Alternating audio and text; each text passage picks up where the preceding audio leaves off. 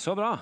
Da skal vi gå inn på eh, temaet for i kveld. Eh, de av dere som er en del av kirka og eh, er her jevnt, håper jeg innen nå har fått med dere hva vi snakker om i høst.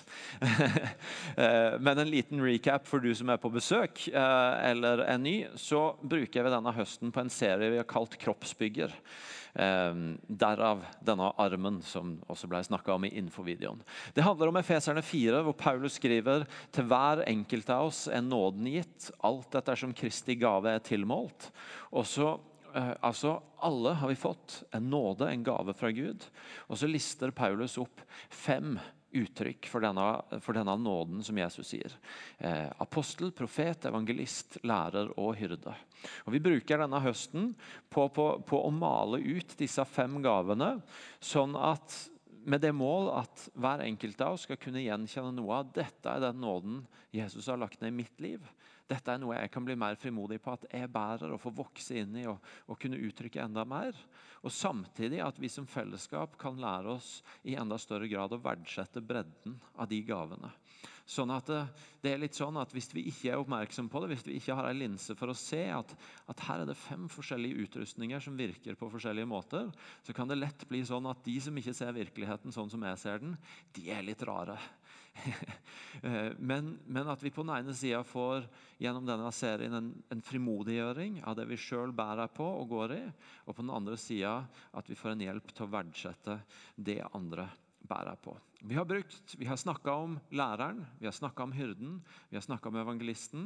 Og så er det i dag og neste uke skal vi se på profeten før vi avrunder med apostelen eh, de to første søndagene i november. Så nå skal vi altså begynne å se på profeten. Eh, og kanskje er det den gaven som har lettest for å bli misforstått eller framstå som, som, litt rar. Eller ikke bare litt, men kanskje veldig rar for verden rundt. For de som ikke uten videre kjenner oss og vår kultur. Jeg tenker sånn at Eh, hyrden har med omsorg og med relasjon og med fellesskap å gjøre. Læreren har med visdom og å gå dypere og søke sannhet å gjøre. Evangelisten er på en måte selgeren, den som vil ut, den som vil gi noe godt videre til andre. Har også mye med mennesker å gjøre. Og, og apostelen det er, det er, det å gjøre nye ting. Entreprenørskap, innovasjon. Det å på en måte ville ut, ville videre. Og så har du denne profeten som hører fra Gud. og, og jeg, var på, jeg, var på, et teaterstykke på teateret på, um, på, torsdag. Altså, for oss er det jo ikke rart at noen hører fra Gud, fordi vi, vi, som på en måte lever i dette fellesskapet her. Men jeg var på et teaterstykke på Rogaland Teater på torsdag som heter 'Åpenbaringen'. Og eh, det skal ikke begi meg inn på noe veldig dyp tolkning av det, for det var over mitt intellektuelle nivå. Men der var det et par, et par uh, folk som hadde som hadde hørt fra Gud. Og der var helt klart tonen sånn. Så du har hørt fra Gud, ja. Er du, er du frisk? Er du det var, det var, litt den tilnærminga at veien fra å begynne å snakke om at Gud snakker til meg, til 'er du frisk', var veldig kort. Og Det er kanskje noe av dette her profeten kan i møte med samfunnet rundt kanskje være den som har lettest for å bli misforstått.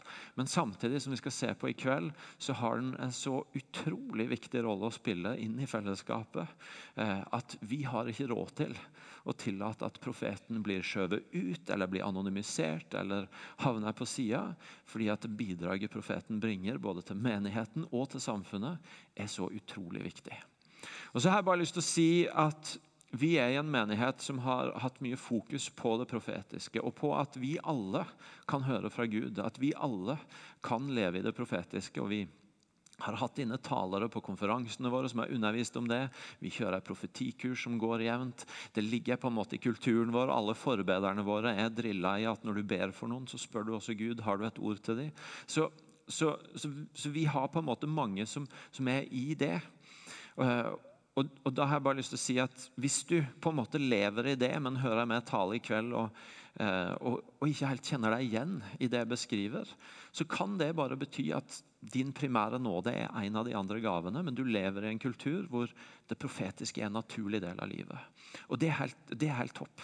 Så, så, en liten sånn skjelning bare mellom at vi alle får høre fra Gud, får leve i det profetiske, og så er det noen som på en spesiell måte også har det som sin grunnleggende nåde, sin disposisjon, dette som har med det profetiske å gjøre. Og så tror jeg det er sånn at i forhold til nettopp at det profetiske, det å høre fra Gud, det kan være litt eh, kontroversielt i noen settinger. Vi kan ha forskjellige tilnærminger til hvordan vi tenker om det. Så vil vi også se i ulike strømninger i kirka og i ulike teologiske tradisjoner at litt forskjellige ting vektlegges. Og Noe av det jeg har lyst til å gjøre i kveld, det er egentlig bare å, å, å male et bilde hvor, hvor, vi ser at det er noen sånne trekk ved profeten som, som, er så lett for oss å skille, men som det egentlig er utrolig viktig at vi hører sammen. fordi under det så ligger det en mer sånn underliggende motivasjon hos profeten som kirka trenger. Og Til å begynne å male det bildet så har jeg bare lyst til å trekke fram tre, tre tekster fra Jesu liv, hvor vi møter Jesus i, i, som profeten, men, men med ganske forskjellige uttrykk. Det første er Johannes 4. Der er det en kjent historie om når Jesus eh, er ute og går. Han stopper ved en brønn for å finne drikke. Det er midt på dagen. og Mens han er der, så kommer det ei dame som lærer vi etter hvert har en historie med seg, et liv med seg, som gjør at hun egentlig håper å ikke treffe noen. Fordi hun, kommer på et punkt hvor det ikke var naturlig å gå til brønnen fordi det var så varmt og det var midt på dagen. Men hun kommer Veldig sannsynlig fordi hun håpa å kunne gå i fred uten at noen eh, eh, skulle treffe henne, eller at hun skulle treffe noen. Fordi hun, hun, hadde med seg en historie. Men nå treffer Jesus. De får en samtale eh, om vann, om drikke, om forskjellige ting. Og så kommer vi til kapittel 4, fra vers 16, hvor det er en dialog. Da sa Jesus til henne, 'Gå og hent mannen din, og kom så hit.' 'Jeg har ingen mann', svarte kvinnen. Du har rett når du sier at du ikke har noen mann, sa Jesus. For du har hatt fem menn, og han du nå har, er ikke din mann. Det du sier, er sant. Herre, jeg ser at du er en profet, sa kvinnen. Her ser vi hvordan profeten Jesus som profeten eh, møter et menneske som, som, har en historie med seg som det er en del smerte i, en del skam ved. Og så og så får han en innsikt som ikke ligger på bordet, som ikke er fortalt, som ikke er åpent, men som han allikevel ser og, og, og får tilgang til. Og så, og så, får han det som ligger i den profetiske timinga, det i den modne profetiske uttrykket. Han får anvende det på en sånn måte at det ikke blir til skam for henne. At det ikke blir til å støte henne bort eller følelse av at en til påpekte alt som har gått galt i livet hennes, men at den profetiske innsikten faktisk blir til frihet for henne. Det å kunne, det, det, å få innsikt i det Jesus der ser, nemlig at hun har en historie med fem menn, og nå har hun en til som, ikke, som ikke kan kalles mannen hennes, det kunne veldig lett ha blitt en mulighet til å trykke henne ned, til å bringe skam. Men når Jesus taler inn i livet hennes og på en måte bringer det ut i åpne, så ser vi at det blir til frihet for henne. Det som skjer etter denne dialogen, er at hun løper tilbake til landsbyen og hun sier 'Jeg har funnet en som, har, som, som, som vet alt om meg'. og, og, og, hadde Jesus ikke gjort det på rette måten, så, så hadde hun neppe fortalt det med samme begeistring. Men det er hennes respons. Er frihet i det. En som vet alt om meg. Og Så ser vi hvordan hun får med seg de andre ut i denne begeistringa. Og i vers 42 så sier folka i landsbyen til kvinnen nå tror vi ikke lenger bare pga. det du sa. Vi har sjøl hørt han, og vi vet at han virkelig er verdens frelser. Et uttrykk for det profetiske, et så personlig, tydelig møte hvor et ord fra Gud som blir formidla på en måte som bringer frihet og ikke skam, som blir til, som det står et sted i Bibelen, til trøst, oppmuntring og formaning. Eh, eh, og, som, og som uttrykker noe av det profetiske. I Matteus 21 så møter vi også profeten Jesus i aksjon, men eh, på en litt annen måte, tror jeg vi kan si. Matteus 21 fra vers 12. Så gikk Jesus inn på tempelplassen og jaga ut alle de som solgte og kjøpte der. Han velta pengevekslernes bord og duehandlernes benker og sa til dem, det står skrevet, mitt hus skal kalles et bønnens hus, men dere gjør det til en røverhule. Her er det en helt annen side ved profeten som kom fram. En sånn, et sånt vrede, egentlig, sinne over at det som skulle være Guds, og det som skulle være Guds hus, det som skulle handle om bønn, om å søke Gud, er blitt gjort til noe helt annet. Og Vi ser hvordan Jesus både tiltaler det, utfordrer det, men ikke bare bruker ord. Han, han, han velter ting, og han, han, handler på det. Fordi han tar et oppgjør med noe han ser dette er ikke rett. Dette er ikke det som var Guds intensjon. Og Så skal vi òg ta med oss i Lukas 19 eh, en litt annen vinkel av noe av det samme når vi leser i Lukas 19 om Jesus som ser utover Jerusalem, og så står det fra vers 41. Da Jesus kom nærmere og så byen, gråt han over den. Og han sa, Hadde du bare på denne dagen forstått, du også, hva som tjener til fred. Men nå er det skjult for øynene dine. Jesus som kjenner på noe av Guds sorg over at en by som han, som Gud har velsigna, som han har et hjerte for, som han har sendt noe godt til, men som ikke blir tatt imot. Som ikke ser, som ikke forstår, som ikke tar imot velsignelsen Gud gir. Og så, og så kommer noe av sorgen på Guds hjerte opp i Jesus, profeten. Eh, eh, på en, sånn, på, på en sånn måte at det står at han gråter ved synet av byen. Tre bilder som er ganske forskjellige i hvordan profeten kommer til uttrykk i Jesu liv. Og så skal jeg prøve å knytte det litt sammen, men før det så har jeg bare lyst til å trekke to ting fra, helt fra vår tid, fra denne uka, som på en måte kan, kan, kan trekke de bildene inn i vår tid. I går så var jeg på Elverum, av alle steder. Noen fra Elverum her? Nei, jeg hadde aldri vært på Elverum før, men det var en fin plass. Og jeg var der for å undervise pinseledere i Hedmark om godhet. Eh, og Det gjorde jeg, og det var fint. I en av pausene så kommer det ei dame bort til meg med et stort smil. og Jeg er så glad for å treffe en fra IMI, fordi at for noen uker tilbake så hadde hun vært på Eidsvoll. og Der hadde det vært en, en sånn konferanse. Og Der hadde Terje og Hanne vært, men der hadde også ei som har vokst opp her, og som bor i Oslo nå, har vært noen år i, på bibelskolen i Reading og heter Camilla Haukås. Mammaen og pappaen sitter her borti der, stolte foreldre. Eh, og Hun var der og underviste litt om det profetiske, og så hadde hun begynt å dele ut noen profetiske ord til noen av de i salen.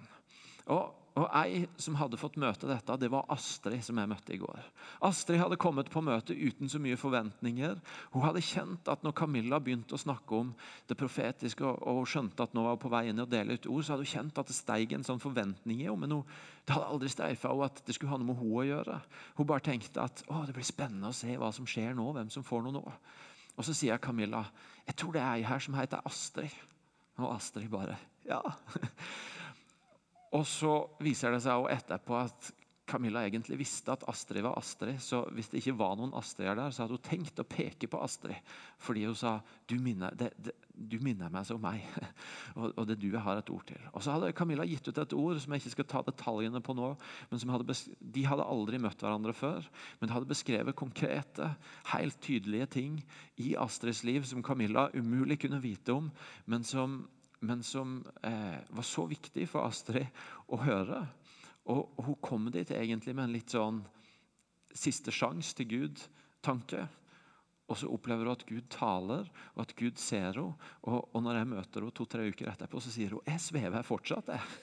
Fordi det var en sånn opplevelse av å bli sett av Gud som var helt fantastisk. Og Det er noe av det det profetiske kan gjøre. ikke sant? Dette nære møtet. Jeg følte meg så sett av Gud fordi, fordi, fordi et, et, menneske som umulig kunne vite, som ikke visste hvem jeg var, som ikke visste min historie, kom med et ord som, som bare så min situasjon, og som viste at han kjenner meg, han ser meg, han bryr seg. Og så, og så sier hun 'jeg svever ennå'. Så betydningsfullt. ene bildet. Og Det andre bildet det har dere for så vidt allerede møtt. Det er Arne og Arnes kamp for de eh, papirløse. Um, jeg vet ikke hvor, mange, hvor, godt alle av dere kjenner historien, men det, det, begynte jo med at Arne og familien var lei av pakkekalendere. Så en adventstid så lagde de en godhetskalender i stedet. Og I en av lukene så sto det at de skulle invitere noen mennesker som var nye i landet vårt, hjem på middag. Og På den middagen så møter de noen som er i denne situasjonen. Uten mulighet. De har ikke fått opphold, de kan ikke reise hjem.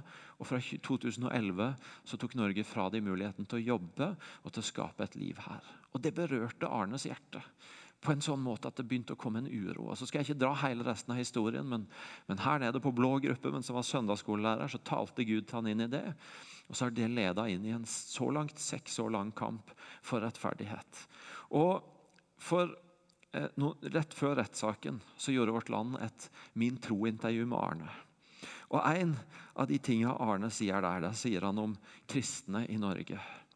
Vi er opptatt av å forsvare K-en i KRLE, men vi er ikke opptatt av å forsvare de som lider nød, sier han. og, det, og det kan du jo være enig eller uenig i, og den diskusjonen skal vi ikke ta nå, men det er profetens stemme.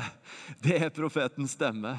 Det er ikke så utrolig langt fra det Arne sier der, og til noen av de stemmene vi hører hos profeten i Det gamle testamentet, som sier på vegne av Gud Jeg er trøtt av alle ofrene og skikkene og de religiøse greiene deres. Det jeg vil ha, er rettferdighet og barmhjertighet. Det er noe av profetens hjerte, noe av profetens måte å uttrykke seg på. Og som enten du måtte være enig eller uenig med Arne i vektinga mellom en K og, og rettferdighet, så er det, det, det er noe av profetens stemme. Ser uretten og kjenner at noe av Guds hjerte, noe av Guds sorg eller Guds vrede, Guds engasjement, kommer opp i møte med den uretten.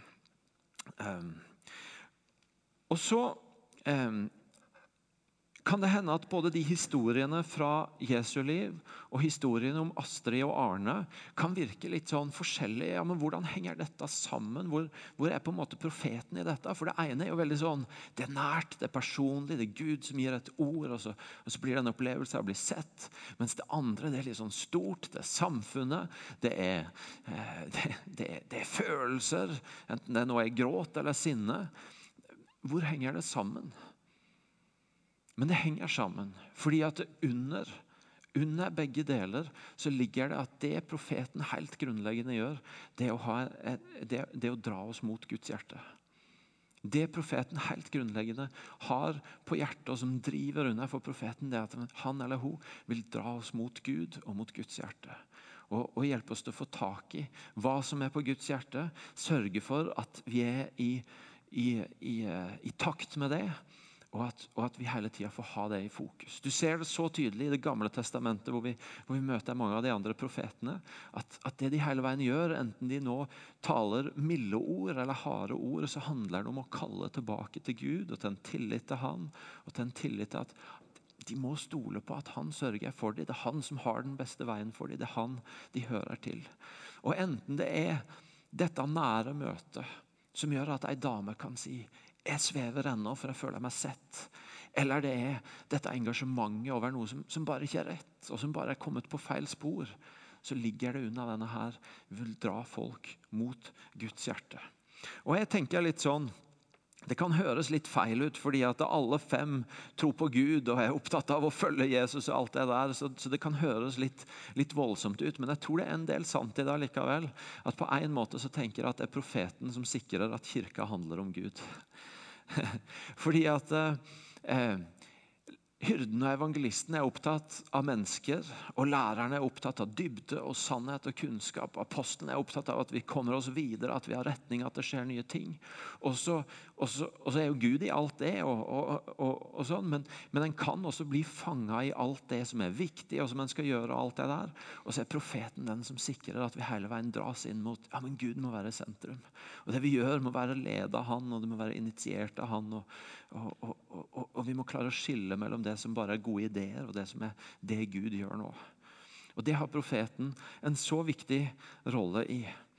Um, og det En som har vært her og undervist om det profetiske, som heter David Wagner, han, han sa flere ganger sist han var at prophecy is not about future or fortune, it's about Jesus loves you. Dette her med at Vi må ikke misforstå at det profetiske primært er en slags sånn spådomsgreie for framtida. Profeter kan få ord som handler om å se framover, som, som, sier noe om det som ligger foran.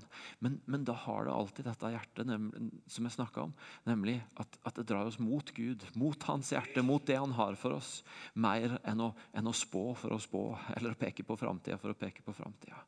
Profeti er ikke primært spådom, selv om, selv om profetiske ord kan peke framover. Men det handler om å dra oss mot Guds hjerte.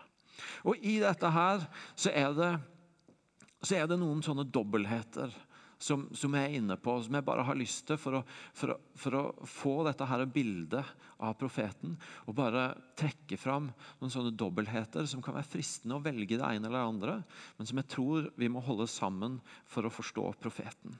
Det ene er, Måten å se det på er at hos profeten er det ei linje som går oppover, og som er utrolig opptatt av å søke Gud, av å få tak i hans hjerte, av å formidle det. Men det er også ei linje som går utover. Som går ut mot andre mennesker, ut mot samfunnet, som er opptatt av å formidle det som er på Guds hjerte utover. Der er ei linje som går mot det personlige, mot disse nære møtene som jeg snakka om, med kvinnen ved brønnen, med, med Astrid på Eidsvoll. Og, og, og, og, vi har et hav av andre mennesker. Irene har fortalt historien sin om hvordan hun satt på bussen en dag og, opplevde at Gud minna om at hun skulle si til ei som satt over midtgangen, at Gud er din far. Og så, og så gjør hun det, og så viser det seg at dama som hun, ta, som hun sier det til, har mista faren sin akkurat. Og så, og så, er det dette personlige nære en Gud som ser. Men det har også en linje mot samfunnet. Mot, mot urett, mot rettferdighet, mot barmhjertighet. Profeten har en linje som om du vil, er passiv.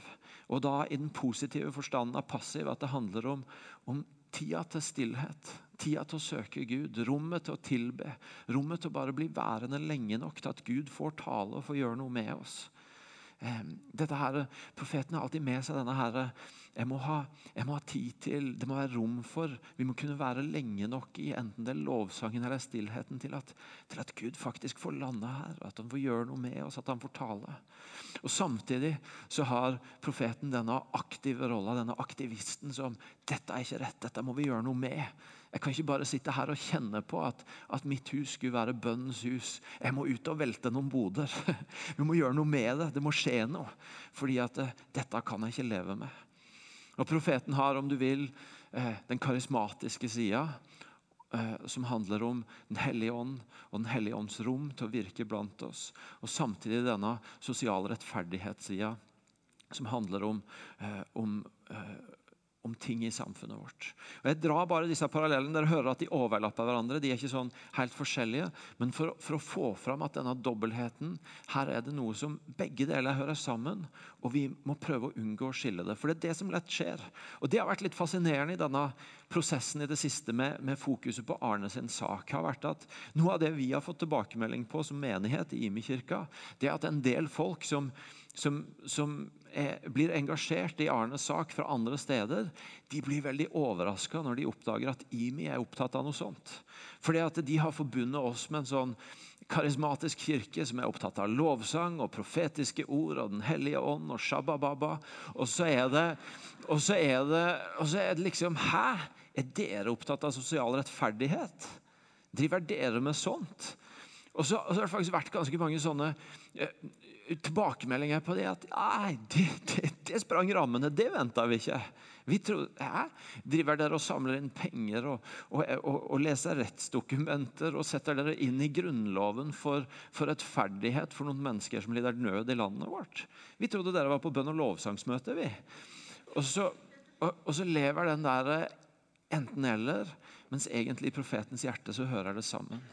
Det hører sammen å høre Gud og få disse her intime møtene av at du er sett, og samtidig bli, la seg berøre av Guds hjerte for en verden hvor det er mange ting som er ute av stand. Og Det er noe av det samme med impuls. ikke sant? Impuls har båret det å lede unge mennesker inn i lovsang har virkelig, virkelig vært sånn i fronten på det med å, med å gi rom for lovsang og søke Gud.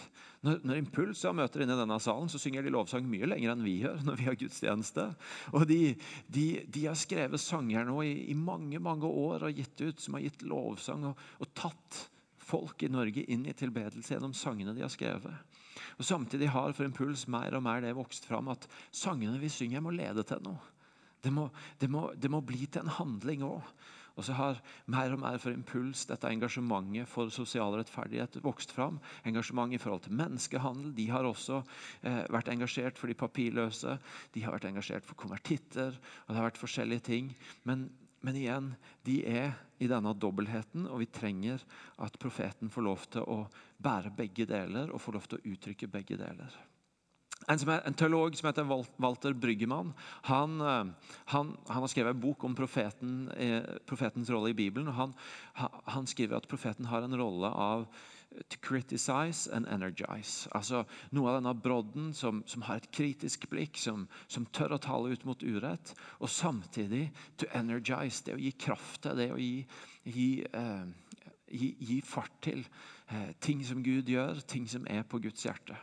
Og en kompis av meg han sier det på et litt mer enklere språk. Han sier det sånn at Profeten har ei bøtte med vann og ei bøtte med bensin.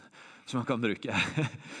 og det er noe med det at Fordi profeten er opptatt av hva er på Guds hjerte, og hva er det Gud gjør nå, så har profeten denne vannbøtta som gjør at noen ganger noen av de ideene vi får, som dukker opp, og som kan være gode ideer og fornuftige ideer og Det er ikke det at det er helt feil, men, men det er ikke egentlig det Gud leder i nå, det Gud er opptatt av nå. Og så har profeten denne vannbøtta til å bare av og til helle litt vann over bålet og si det, det er fint, men vi lar det ligge nå. Men så har profeten nå denne bensinbøtta som her er det Gud gjør noe. Her ser vi at Gud gjør noe. Dette må vi gi rom for, dette må vi gi fokus til, dette må vi gi kraft til. Og så har profeten denne bensinbøtta til å bare helle bensin på bålet og gi kraft til det. sånn at det får mer plass. Og Jeg, jeg er ikke profet. Jeg, jeg slår primært ut på lærer og apostel. og Jeg har blitt leda de siste 12-13 åra av en som primært er profet. Og jeg har definitivt fått vannbøtta hans i hodet noen ganger. Fordi at eh, jeg kan komme og ha hørt ting, sett ting, lest ting som jeg tenker å, det var bra, det skulle vi gjort noe med. Og så, og så sier jeg Martin ja, det, det, det høres fint ut, det. men men, men, har du hørt Gud på det? Er du sikker på at det er det som er på Guds hjerte nå? Og så På en fin måte, en vennlig måte. Jeg mener ikke jeg, jeg, har ikke, jeg har ikke faktisk fått en galldusj, men jeg har fått føle den der bare OK, ja, ok, la, men, la oss puste en gang ekstra og kjenne etter. Var dette Gud, eller var det bare litt begeistring i øyeblikket? Men jeg har også fått stå tett på og se hvordan ei kirke har blitt leda av en som Å, der gjør Gud noe. Og så henter han fram bensinbøtta si, og så, og så bare snur alt seg rundt. At der er det noe Gud gjør. Da gir vi rom for det. Da snur vi oss rundt. Eh, så jeg Kjellaug her i salen? Nei. Der har Kjellaug, som har jobbet, en av de her som har jobba lengst med Martin, har blitt vant til denne her, og hun sier vi er gode til å snu på hælen, men vi har snart ikke hæler igjen. Fordi at, fordi at det går fort i svingene noen ganger. Eh, men men jeg tror mye av det som har tatt oss dit vi er, det er jo denne evnen til å Der gjør Gud noe. Da snur vi oss. Jeg har fått se både vannbøtta og bensinbøtta som har fulgt med og blir leda av en som har det profetiske. Og vi trenger det. Vi trenger de stemmene iblant oss som hjelper oss til å avstemme hva er Gud her, og hva er bare alle de andre gode ideene som, som det godt kan hende vi skal gjøre i rette tid, men som vi kanskje av likevel skal skal tenke oss litt ekstra om er det det Gud gjør nå. Er det det Gud vil nå? Kort litt om hvordan dette kan være i profetens liv. Og jeg har lyst til å si Enten du, du gjenkjenner profeten eller ikke, profetikurset som går her jevnlig, det anbefaler jeg. Få det med deg. Og Der vil du få mye, der er det mye bedre tid enn det jeg har nå, og sikkert Martin har neste uke, til å, til å male litt ut noe av det praktiske rundt det å høre fra Gud, det å gjenkjenne Gud på ulike måter. Men Jeg har bare lyst til å peke på fire måter som dette gjerne kan komme til uttrykk på i, eh, i en profet. Hvordan det kan, kan komme fram på. Og Det ene tenker jeg handler om det med å, å føle og fornemme. Det å kjenne at, at noe av det som, som, som, ofte kan være for profeten, er at en, en, en kjenner, en føler, en fornemmer Guds hjerte. Vi leste om Jesus, hvordan han, han, gråt. Han kjente Guds sorg kom opp i han når han så Jerusalem. Han, han, kjente Guds sinne når han kom inn i tempelet som var blitt gjort om til en røverbod. Og noen ganger, så, nå, nå, tok jeg negative følelser, men jeg tror for profeten også kan det like, også være de positive. At, at han kan bare kjenne Guds kjærlighet for et menneske, for en gruppe. Han kan, jeg tror det er noe for profeten dette her av at han kan føle og kjenne og fornemme noe av det som er Guds hjerte. Noe av det Gud kjenner i møte med situasjoner, i møte med mennesker, i møte med grupper. En annen ting selvfølgelig som dette kommer til uttrykk eh, på for profeten, det er jo det at en, en får ord som, eh, som, som uttrykker noe av det som er Guds ord akkurat nå. Og Der er det viktig å si at veldig mange ganger, jeg, jeg har mange som er sterke i det profetiske, som kjenner mange av de som, som også veldig ofte bruker Guds ord mye i det. Som, som, nettopp opplever at det, det, er ulike bibelord som kommer fram og blir levende. Nå, dette er ordet for nå. Og Derfor er det utrolig viktig å oppklare den misforståelsen at enten så vil du høre fra Gud profetisk, eller så vil du høre fra Gud i Bibelen. Som om det var to motsetninger. Det er det jo ikke. For det første så prøves alt det profetiske på Guds ord. Eh, men for det andre så ser vi også ofte hvor, hvor viktig Guds ord er nettopp i det, de ordene Gud gir, de ordene Gud taler. At det, det er ord i Bibelen som, som profeten opplever at her blir det pusta liv. Men selvfølgelig også det kan være andre ord, setninger, budskap som profeten får, som reflekterer noe av Guds hjerte akkurat nå. Profeten kan også opplever dette her med at, at en vet noe som egentlig ikke er tilgjengelig i det synlige, det offentlige, men som han allikevel ved Den hellige ånds ledelse vet. Akkurat som Jesus visste dette om den dama, eller som Jesus visste om Peter før det skjedde, at han kom til å fornekte tre ganger før hanen gol. Og Noen ganger så bare vet profeten ting. Og så kreves det en del visdom å forvalte det på en sånn måte som jeg sa, at det blir til frihet. Men, men, det er noe av det som ligger i profet. At en kan vite ting, en kan se ting som kanskje ikke uten videre er tilgjengelig. Så tror jeg også det er viktig å si at profeten kan ofte og det, og det profetiske kan ofte komme til uttrykk kreativt. Vi kan se det uttrykt gjennom, gjennom, kunst. Noen ganger så har vi folk som maler her under lovsangen og gjør det profetisk. At det uttrykker noe av Guds hjerte gjennom det en maler. Når, når vi har profetisk betjening på helbredelsesrommet eller på konferansene våre, så har de ofte med seg tegnesaken, og de, de, får uttrykke noe av Guds hjerte gjennom, gjennom eh, det kreative der. Lovsangerne våre ofte leder de gjennom sanger, men noen ganger så stopper de opp og sier Gud i eh, setninger å synge ut, eller bare det å være stille og være i noe. Og så kommer det profetiske til uttrykk også gjennom ulike kreative ting, visuelt, musikalsk, på andre måter. føle, få ord, vite noe, kreative uttrykk. Det tror jeg i hvert fall er fire ganske sånn gode i kjernen eksempler av noe av hvordan profeten får tilgang på det som er på Guds hjerte. Og så er det et par ting som er utrolig viktig for profeten for at profeten skal fungere godt. Og Det ene handler om dette med å fungere i fellesskap eh, med de andre. Noe av faren hvis profeten blir misforstått, hvis det ikke blir gitt rom for, hvis folk ikke hører det, det er jo at den skyves litt ut, blir litt isolert, opererer litt på egen hånd. Og ikke får dette rommet hvor, hvor, hvor en forskjellenes også sammen jeg tror dette er fra Gud, jeg kjenner dette er fra Gud, jeg målbærer det, men, men sammen så må, vi, så må, vi, på en måte eie Er det Gud som taler nå?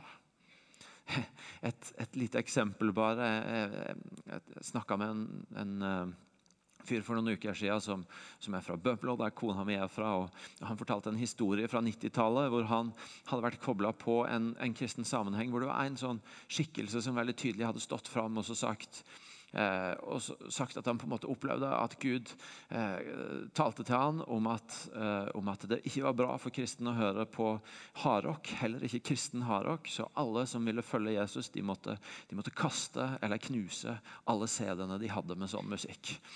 Og, eh, og eh, han her, eh, som jeg snakka med, han han var utrolig glad. Han hadde enormt mye sånn musikk og masse kristen eh, hardrock. Og han tenkte ah, det var da kjedelig, men OK, Jesus, jeg, jeg følger du. Hvis det er det du ber om, så skal jeg gjøre det. Så han tok flere hundre CD-er ut til søpla og sto der med dem. Og så sier han Jesus, dette har jeg ikke lyst til, men hvis det er det du ber meg om, så vil jeg følge du. Jeg skal gjøre det. Og så forteller han sjøl, og siterer det på mitt forsøksvise Bømlo-dialekt. Og så sa Den hellige ånd til meg er du helt idiot?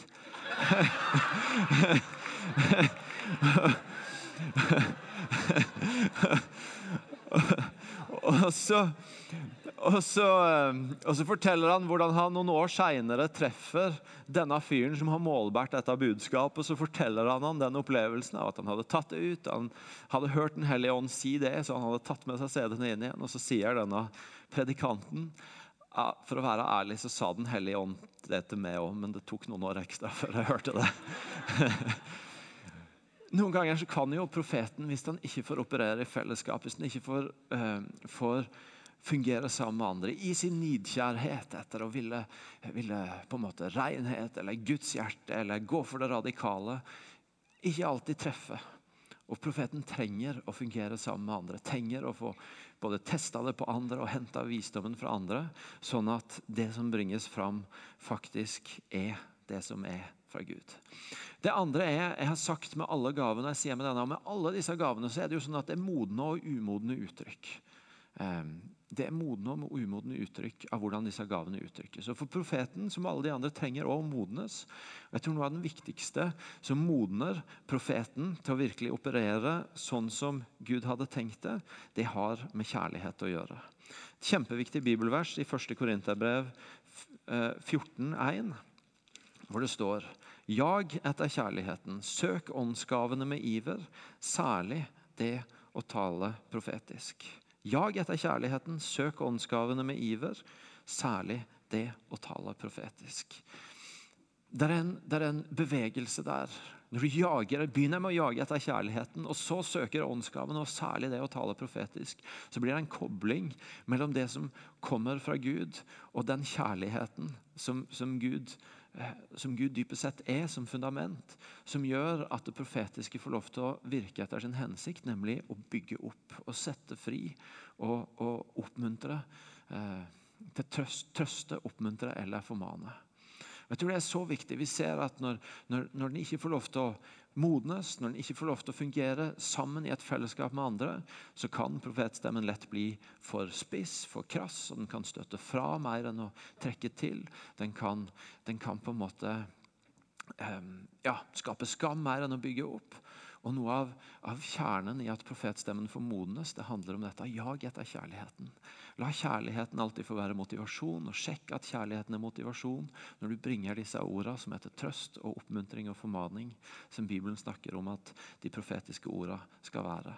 Et sitat som jeg brukte um, i starten av denne serien også, som passer til det, fra Ronald Rollheiser.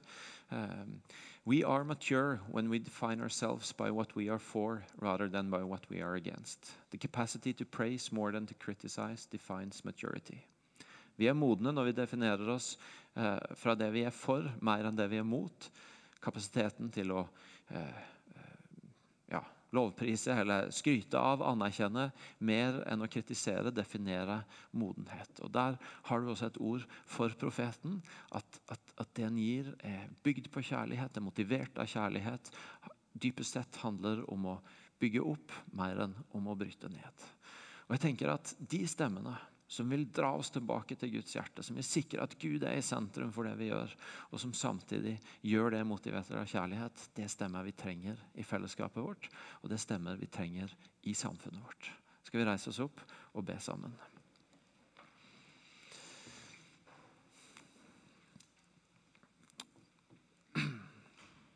God far, jeg takker deg for den du er.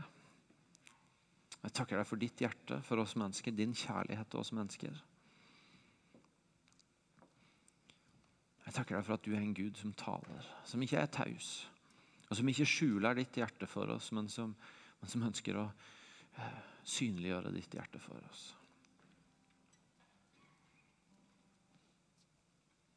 Og Vi har bare lyst til å si som menighet at vi, vi ønsker å være åpne for det. Vi ønsker å være åpne for de som, de som bringer ditt hjerte inn til fellesskapet vårt.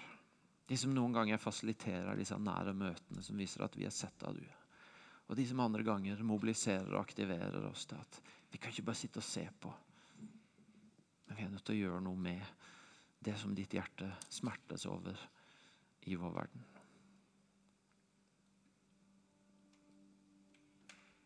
Så jeg har lyst til å spørre dere, hvis du er her og kjenner at dette har med ditt liv å gjøre, så har jeg lyst til å be for deg. Jeg vet jeg har sagt det på de andre gavene òg. Når lista legges på Jesus, så kan det være litt sånn krevende å si ja, det er med.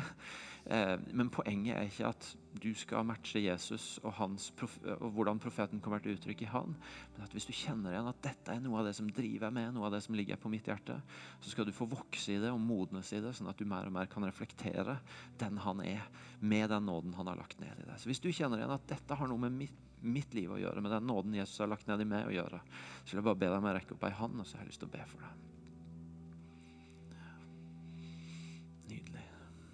Mange hender i været. Fantastisk. Vi trenger dere. Jeg er glad for at dere er en del av menigheten vår. Kjære far, jeg takker deg for brødre og søstre som, som kjennegir at dette er de. Dette har med de å gjøre. Jeg har lyst til å be deg om at du frimodiggjør de. Reiser de opp. Viser de enda mer av hvordan det vil se ut for de å leve i den nåden du har lagt ned i de, både her i fellesskapet, men også utafor disse veggene, og ut i nabolaget, på jobben, i vennskap, i samfunnet. Jeg har lyst til å be deg om at du utruster de og modner de, sånn at de, de, de, de skal få, få, bringe et mer og mer modent uttrykk av hvordan det profetiske ser ut i fellesskapet vårt og i samfunnet vårt. Jeg takker deg for de. Og jeg ber deg om at du som gir oss som menighet nåde til å ta godt vare på dem og la dem få finne sin plass iblant oss. Jeg har lyst til å be deg spesielt om en beskyttelse over dem, hvis det er noe sant i det jeg sa, om at disse kanskje er de som lettest blir misforstått av samfunnet rundt. Så de, de her inne som, som, som, kjenner igjen det, så jeg har bare lyst til å be deg om en beskyttelse. At ikke de misforståelsene eller de bildene eller de reaksjonene skal, skal ta fra dem mot og frimodighet. At de skal få frimodig få lov til å gå Vi vil sette om at du er med, at du leder, og at du trenger de. Nei, feil å si at du trenger de. Du trenger oss ikke, men du vil bruke de til å, til å synliggjøre ditt hjerte for andre mennesker i denne verden. Ja. Utrust Jesus. La oss tilbe sammen.